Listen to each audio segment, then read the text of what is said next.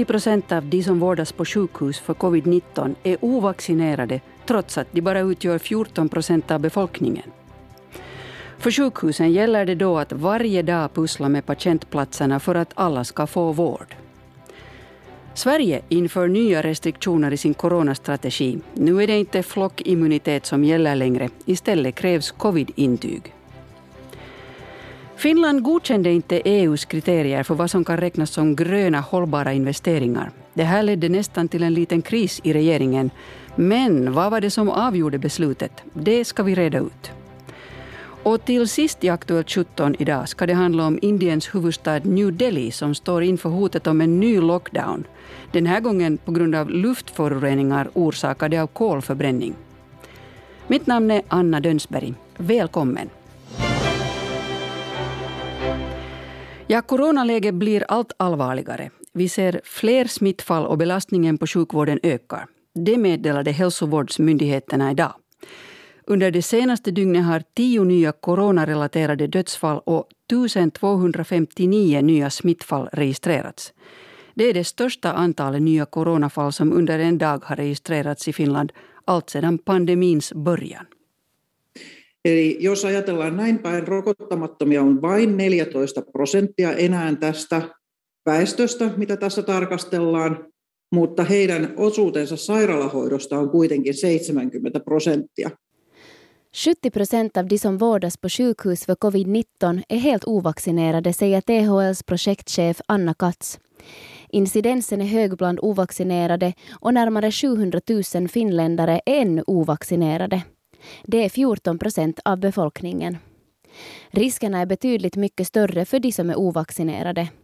Risken att behöva sjukvård är 19 gånger större och risken för att behöva intensivvård är 33 gånger större.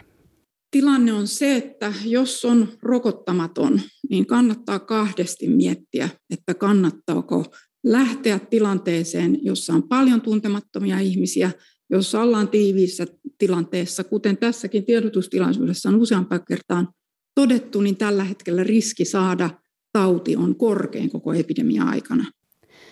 Anna Katz säger att man ska tänka två gånger om man verkligen ska gå ut bland människor som ovaccinerad eftersom risken för de ovaccinerade just nu är högre än någonsin under pandemin.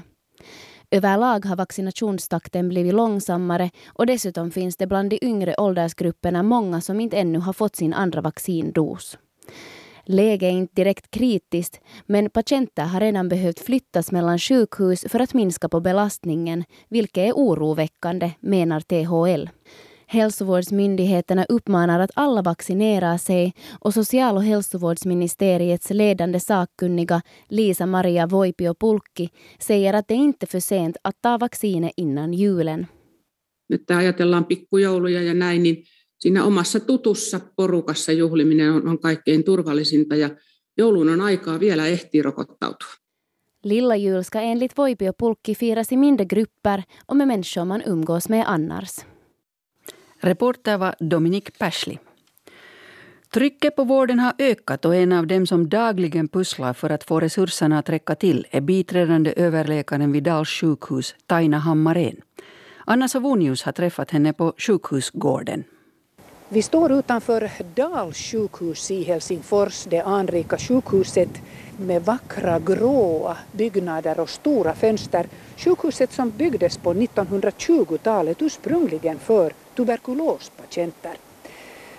Men Dals sjukhus har kanske mest stigit i rubrikerna eh, nu under coronapandemin eftersom det har varit ett coronasjukhus här i huvudstadsområdet. Med mig har jag biträdande överläkare Taina Hammarén här vid Dals eh, sjukhus. Eh, vi vet att vi just nu idag har flest patienter i sjukhusavdelningsvård under hela den här pandemin. Märks det här? Det märks, det märks nog. Vi har haft flesta patienterna nu här också och det som är det goda i det här är det att de som är vaccinerade så de klarar sig bättre, vilket betyder förstås att vi behöver mera sängar, flera sängar för dem och efter isoleringen så behöver vi förstås rehabilitering också. Men det goda är att eftersom patienterna klarar sig så har vi flera patienter här mm. samtidigt. Eh, de patienter som på Helsingfors sjukhus konstateras ha corona flyttas över hit till oss. Och det har varit en del avdelningsepidemier på alla sjukhus och tillfälle och på en del äldreboenden också. Men eh, äldre patienter insjuknar och sprider också smittan på både serviceboenden och eh, på sjukhus. Smitta förekommer också bland personal och också bland de som besöker sjukhusen. Har vi väntat för länge med det tredje vaccinet? Hur tänker du? Jag tror att det tredje vaccinet kommer rätt tid för att det är det där eh, vi har blivit undersökta på det, hur mycket vi har antikroppar och, det har visat sig att ett halvt år har varit bra. Att eh, den här smittrisken har varit mindre. Det som är kanske lite jobbigare är det att vi fråntog de här maskerna, vi började träffa varandra och vi har accelererat från 0 till 100 på en sekund. Så det har inte funnits någonting emellan utan alla människor har börjat samlas och, och vara mycket ihop och då sprids den här sjukdomen också lättare. Du är läkare på ett stort sjukhus, ett av de största i Finland och här i huvudstadsområdet där smittoläget också har varit eh, värst. Eh, och vi vet att en del av dem som har smittats på sjukhus här på Dal har smittats av ovaccinerade vårdare. Hur stor fråga är det här med coronaintyg i vården nu bedömer du? Det är en jättejobbig sak för vi har ju influensavaccin också som, vi, Eh, som är obligatorisk och jag vet att ändå så tar inte alla den. Och jag diskuterade det här med de som var yngre än jag, läkare och skötare, så den här individualismen är större i dagens läge och därför, därför så är det jättesvårt att gå och säga att alla måste ta den. Och eftersom vi har ont om personal så kan det vara svårt att kräva 100% vaccinering. Men att vi önskar ju det. Och, och de som jobbar med äldre människor och inom, sådana, eh, inom akutvården och intensivvården så de borde absolut ha det här vaccinet. Vi har ju inte rätt att kontrollera vår personal. Vi har inte rätt att fråga dem om de är vaccinerade och det är förstås lite tråkigt. Mm. Det här är en politisk fråga och politikerna är inte heller eniga och inte heller juridiska experterna är eniga kring den juridiska biten. Borde man avancera med den här frågan? Hur viktig är den med tanke på att stävja smittspridningen bland de mest utsatta grupperna? Det är klart att vi borde gå framåt med den men sen är det det att, att de som motsätter sig nu så de kommer på barrikaderna om vi börjar säga för mycket om att vi borde ta det här vaccinet. Men vilken är din, eh, din inställning som läkare till eh, eh, i bruktagandet av ett covidintyg för vårdpersonalen här på din arbetsplats? Jag skulle föreställa mig att det skulle vara bra, absolut. Som biträdande överläkare, är det du som pusslar ihop de här coronaavdelningarna och så att säga skiljer på smittade och osmittade? Du pusslar nu varje dag med ett ökat antal coronapatienter. Vad borde hända nu för att vi skulle få bukt med de här smittofallen? No, enligt min mening så borde vi kanske ta ett steg tillbaka och använda mera masker och, och undvika större folksamlingar på det sättet. Tvätta våra händer, komma ihåg eh, hand desinfektionen och sånt här. Att vi borde gå ett steg tillbaka med det och sen försöka se till att om det lugnar ner sig. Taina Hammarén, biträdande överläkare vid Dals sjukhus, intervjuades av Anna Savonius. Sverige förbereder sig på en ökad smittspridning och planerar nya restriktioner. Vaccinationsbevis, det vill säga covidintyg, införs från och med den 1 december. Dessutom återinförs också rekommendationen om bred testning för coronavirus. Tidigare i höst beslutade Sverige att dubbelvaccinerade personer inte behöver testa sig även om de fått symptom. Statsepidemiolog Anders Tegnell säger så här om läget just nu. Vi ser ju nu en ökning i vår omvärld, inte minst i Europa. Men med tanke på den och att vi ser liten tendens till motsvarande utveckling i Sverige så har vi ändå börjat titta på olika åtgärder. Och de viktigaste att få på plats är förstås att fortsätta vaccinera. Vi har nu börjat peka på fler och fler grupper som också behöver en tredje dos. Det kommer att börja testa mer och mer igen, nu samtliga med symptom eh, och vi kommer också införa en del andra nya åtgärder som, som vaccinationsbevis och utökad smittspårning. Eh, I Sverige så har vi ju hittills under ganska många veckor faktiskt klarat oss att hålla oss på en, en relativt låg nivå jämfört med många andra länder. Och vaccinationsarbetet går framåt, men går ganska sakta framåt just nu. Eh, och med tanke på vad som händer i omvärlden så tycker vi att det här är ett viktigt område att peka på att här behöver vi få till en accelererat vaccinationsarbete. Så går vi vidare till de åtgärder som vi nu har gjort förslag om att gå vidare med det grundarbete som har gjorts när det gäller ett regelverk för vaccinationsbevis. Förslaget är att det ska börja från 1 december. Det ska gälla arrangemang med fler än 100 invånare. Vi har också gått vidare med testningen. Vi drog ner på testningen under en period när vi såg hade en väldigt låg spridning och inte så mycket tecken på att det fanns ökningar varken i Sverige eller på andra ställen. Eh, nu är vi i ett annat läge och då är det dags att gå tillbaka till de tidigare testningsrekommendationerna och testa alla med symptom. Eh, och det här är en rekommendation som kommer att gälla från och med måndag. Och då gäller det även vaccinerade som var de som var undantagna tidigare. Och testningen leder förstås vidare till smittspårningen eh, där vi också nu skärper upp med tanke på den hotbilden som vi ändå ser. Att nu vi är kvar i en pandemi. Eh, det är jätteviktigt att vi fortsätter att jobba tillsammans för att vi inte ska behöva uppleva en höst som förra hösten eller en höst som många länder i Europa nu upplever. Så alltså Anders Tegnell. Och vår reporter Ingemo Lindros är på plats på Folkhälsomyndigheten i Stockholm. Hur ser man, Ingemo, där i Sverige nu på att man planerar nya restriktioner? Ja, här är ju fortfarande ett äh, ganska bra läge, i synnerhet och i jämförelse med Finland där det accelererar tydligt. Vad det sen beror på att det här läget ändå är så pass bra här i Sverige, vi har ju ungefär en liknande vaccinationsgrad. Äh, hjälper det då eventuellt i det här läget så att säga att att många är immuna mot sjukdomen därför att de har haft den här. Det är ju så många fler i Sverige som har, har haft den. Eh, men det här ville då Anders Tegnell inte gå väldigt mycket in på, att vad det beror på att det just nu då inte är så pass dåligt läge i, i Sverige. Vi träffade ju Anders Tegnell här då eh, just med en grupp finländska journalister efter den här svenska pressträffen som vi hörde en, en snutt från här.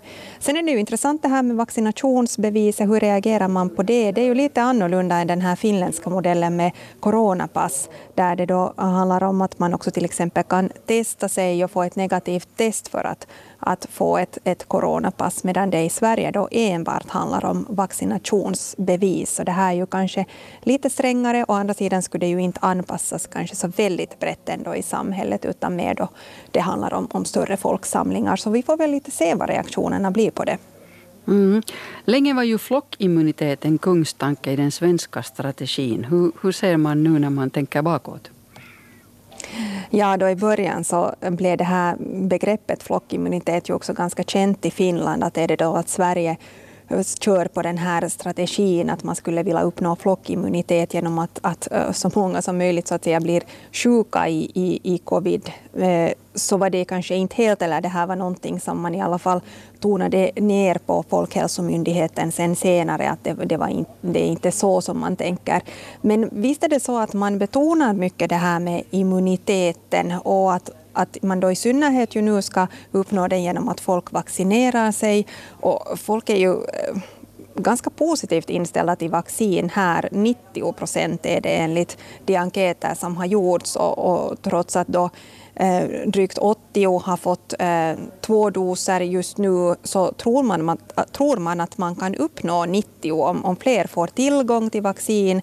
Man talar mer om att man måste nå ut till folk än att få fler övertygade. Det finns alltså inte så många som motsätter sig vaccinerna och det här var intressant att Anders Tegnell konstaterade att, att vaccinmotståndet är större i Finland än i Sverige just nu. Den tidigare svenska strategin har fått svidande kritik av den svenska coronakommissionen. Vilka kan man säga är lärdomarna och vad har man nu gjort? Nå, en av de här frågorna som också har kommit upp tidigare, som Anders Tegnell då betonar här när han svarar på den här frågan idag, så är den här sårbarheten på äldreboendena. Där var det ju särskilt många dödsfall i början av, av pandemin. Och då talar man också om hur de här äldreboendena är organiserade. Att är det för många gamla som är för sjuka som äh, bor på de här äldreboendena. Och man talar om att, att organisera om den här äldreomsorgen för att den kanske inte ska vara så sårbar. Och sen så tittar man också på det här resandet som ju var väldigt omfattande då eh, i början av pandemin då många svenskar hade varit utomlands under den här berömda sportlovsveckan, vecka 9 då i fjol. Och, och, efter det så, så exploderade då den här smittspridningen i Sverige. Att vad kan man lära sig av den här situationen för att lättare känna igen eh, de, här, eh, de här riskerna för en, en så att säga större import av sjukdomen som man kallar det. No, hur ser Folkhälsomyndigheten och Anders Tegnell på framtiden med coronavirus? No, jo, det här var intressant här när, när det där vi finländska journalister ställde då den här frågan att, att talar vi om månader eller talar vi om år då det handlar om hanteringen av coronapandemin och då var Anders Tegnells svar att vi kommer alltid att leva med den, att den kommer att finnas kvar för alltid, sade han ordagrant. Nå, det är ju inte hundra procent säkert att det är på det här sättet, men, men äh, Anders Tegnell har ju den bakgrunden att han har sett på liknande situationer genom historien och hur andra liknande virus har betett sig. Och, och, och, mot bakgrund av det så säger han det här. Och då går han vidare till att hur ska man då hantera det? Det vet vi ju inte ännu, men kommer det kanske att handla om att i framtiden fokusera mer på att, att vaccinera kanske enbart riskgrupper eller, riskgrupper eller, eller vissa grupper. Han talar till och med om barn här, men utan att nu öppna upp det desto mer. Men här så handlar det mer kanske om att ställa frågor än att, att ge svar. Men han betonar i alla fall det här att, att viruset kommer inte att försvinna. Här säger jag tack till dig Inge Molinros på plats i Stockholm. Så till en fråga som i Finland väcker känslor, nämligen hållbar skogsvård.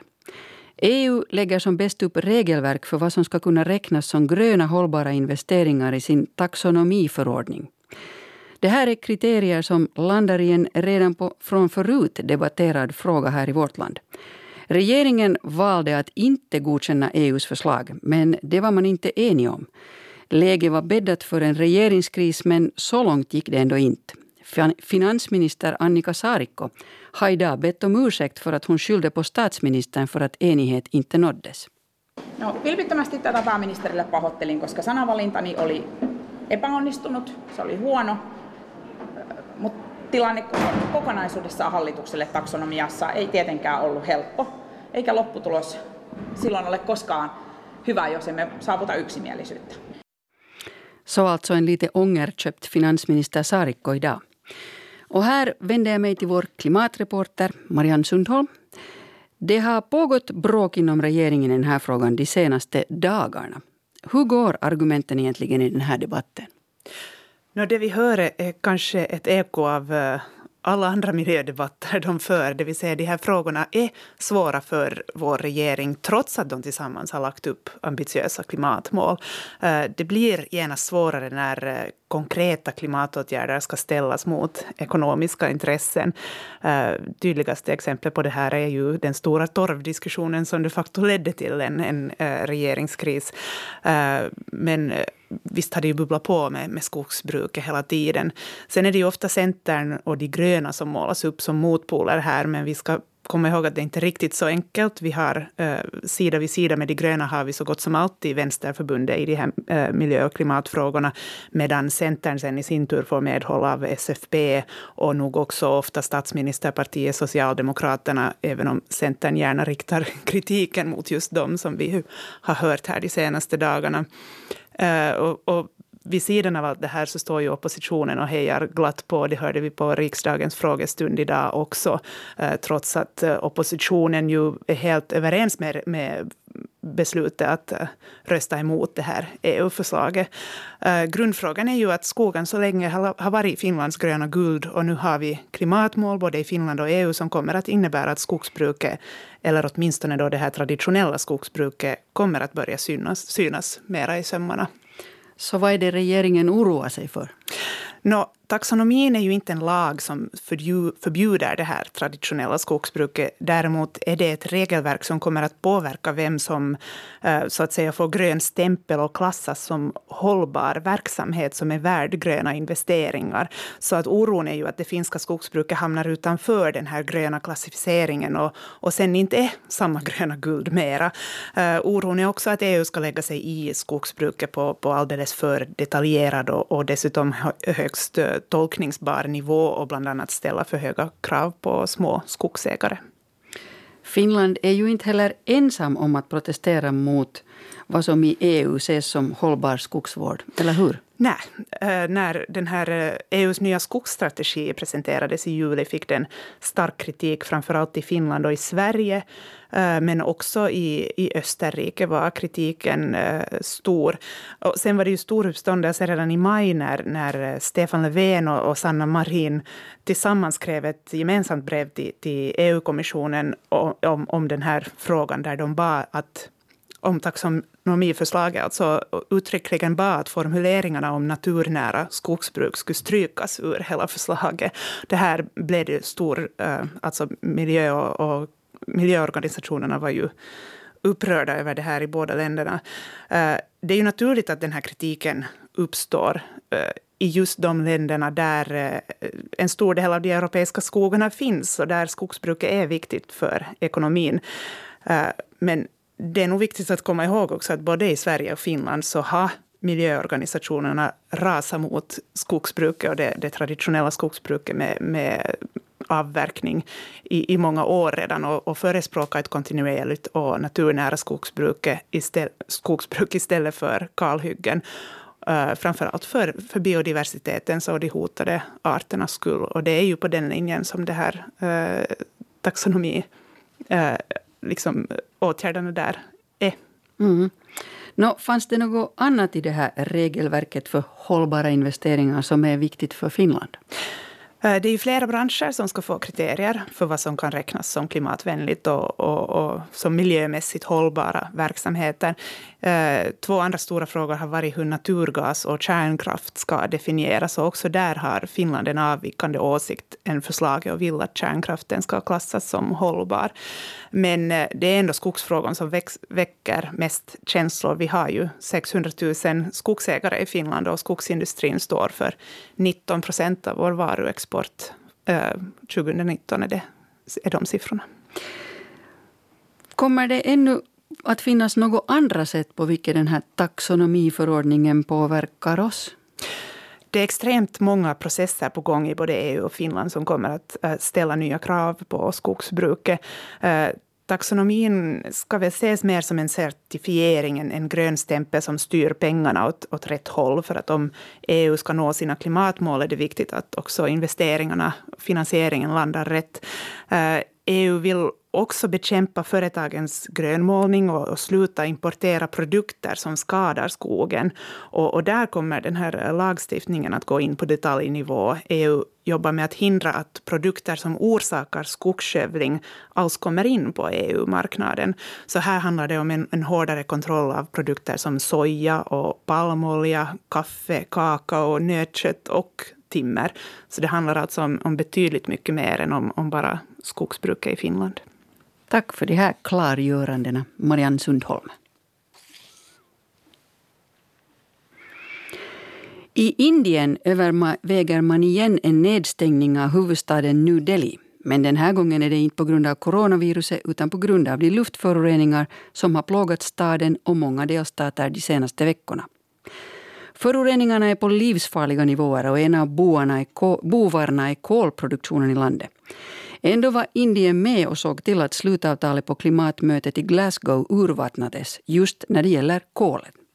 अब आजकल तो हर एक को इतना ज्यादा breathing problem हो रहा है आंखों में जलन होने लगती है बाहर निकलते हैं तो Man har svårt att andas och irriterade ögon genast när man stiger ut ur huset, säger New Delhi-bon Gita Jain till nyhetsbyrån Reuters. Jag borde inte gå ut, men det känns som om jag kvävs om jag bara sitter inne. En kvävande tjock smog har lagt sig över den indiska huvudstaden och omkringliggande delstater. Den håller sig envist kvar. Halterna av skadliga partiklar i luften har tidvis varit över 30 gånger högre än vad Världshälsoorganisationen WHO rekommenderar. Och antalet patienter på sjukhusen med problem med luftvägarna har gått spikrakt uppåt. Tidigare den här veckan stängdes alla skolor i New Delhi på obestämd tid. Alla byggarbeten stoppades och bara fem av de elva kolkraftverken i staden får hålla igång. Vidare har arbetstagare uppmanats att jobba hemifrån. Och myndigheterna överväger nu att stänga ner New Delhi. Det skulle vara första gången någonsin som staden stängs ner på grund av luftföroreningar. Det sägs att ett barn som föds i New Delhi andas in luft som motsvarar 20 till 25 cigaretter per dag. Och kring 1,7 miljoner människor dör varje år på grund av luftföroreningarna i landet. Varje höst och vinter blir föroreningarna än värre när avgaser och utsläpp från industrier blandas med rök från åkrar som jordbrukare bränner och fyrverkerirök från Indiens största och viktigaste högtid, ljusfestivalen Diwali. Kring 70 procent av elen i Indien produceras med kol och kolanvändningen är en stor bov när det gäller den smutsiga luften. Men trots det här var Indien ett av de länder som var med om att se till att slutavtalet i Glasgow urvattnades just när det gäller kolen. Formuleringen fasa ut kol ändrades till fasa ner kol. Sunil Dahia som är analytiker vid Center for Research on Energy and Clean Air är ändå inte speciellt förvånad över Indiens tilltag. Han säger på en dålig telefonlinje från New Delhi att Indien trots allt är ett u-land. Looking at uh, what happened at the COP, uh, I would say that uh, India took Indien tog ändå ett viktigt steg mot att börja använda mindre kol, säger Sunil Dahia, som är expert på luftföroreningar och kolanvändning i Indien. Eftersom Indien är ett u-land går det inte en handvändning att övergå till förnybar energi. Landet ville inte pressas till löften om att sluta använda kol lika fort som västländerna. På det här sättet får Indien mera tid på sig. Och att fasa ner är också ett steg mot att fasa ut, så det har inte så stor betydelse enligt Sunil Dahia. Kolen är på väg mot sitt slutliga öde, enligt honom. Också Axel Nordenstam vid Utrikespolitiska institutet i Sverige säger att det är ett steg i rätt riktning. Han forskar bland annat i indisk klimatpolitik. Det är en tydlig signal om att Indien fasar ner uh, sitt kolberoende, ökar andelen förnybar energi um, i en takt som är välplanerad, uh, som är liksom anpassad i, i linje med de förutsättningarna som finns på hemmaplan. Vad som är intressant att notera är att Indiens nya åtaganden i Glasgow innefattar att hälften av all elektricitet till år 2030 ska komma från förnybar energi. Så nedfas, att fasa ner kolberoendet och fasa ner eh, kol som en energikälla ligger väl i linje med vad Indien åtog sig. According to a recent analysis which we did, we found out that the peak Enligt en analys som Center for Research on Energy and Clean Air gjorde nyligen så kommer kolanvändningen i Indien att nå sin topp år 2026 eller 2027 och efter det börja minska, säger Sunil Dahia. Än så länge finns det ändå ingen klar plan för hur Indien ska minska kolanvändningen utan att indierna och landets ekonomi betalar dyrt för det. Upp till fyra miljoner människor jobbar direkt eller indirekt inom landets kolindustri. Och i det så kallade kolbältet i östra Indien är kolen en livlina för de lokala samhällena som hör till de fattigaste i Indien. Är det då realistiskt att tänka sig att Indien en dag ska klara sig utan kol? Ja, det, det, det, är ju en, eh, en bra svår fråga. Jag kan inte riktigt spå i framtiden, men det finns ju några aspekter att beakta. Alltså, å ena sidan så har ju Indien världens femte största kolreserver och stora delar av, av samhället är beroende av kolet. Men å andra sidan så uh, överraskade Indien många med, eh, redan i Paris för sex år sedan när man antog en målsättning om förnybar energi. Då var det många som tyckte att 175 gigawatt i förnybar energi som kapacitet skulle vara ett ganska orealistiskt mål. Många trodde inte att Indien skulle kunna nå det och sedan dess har vi sett en, en ökning på 20% per år när det gäller den förnybara energins kapacitet. Så man kan väl säga att eh, det är troligt att kolet kommer att leva kvar i Indien. Ehm, men det är inte osannolikt att vi kommer se en, allt, en betydligt större andel av förnybar energi det sa Axel Nordenstam vid Utrikespolitiska institutet i Sverige. Reporter Lotte Krank van de Bürcht. Och med det är dagens Aktuellt 17 slut. Sändningen producerades av Ami Lassila. Tekniken skötte Staffan Sundqvist. Mitt namn är Anna Dönsberg och nu har jag glädjen att ge över till Jukka Isojoki och Vegatoppen.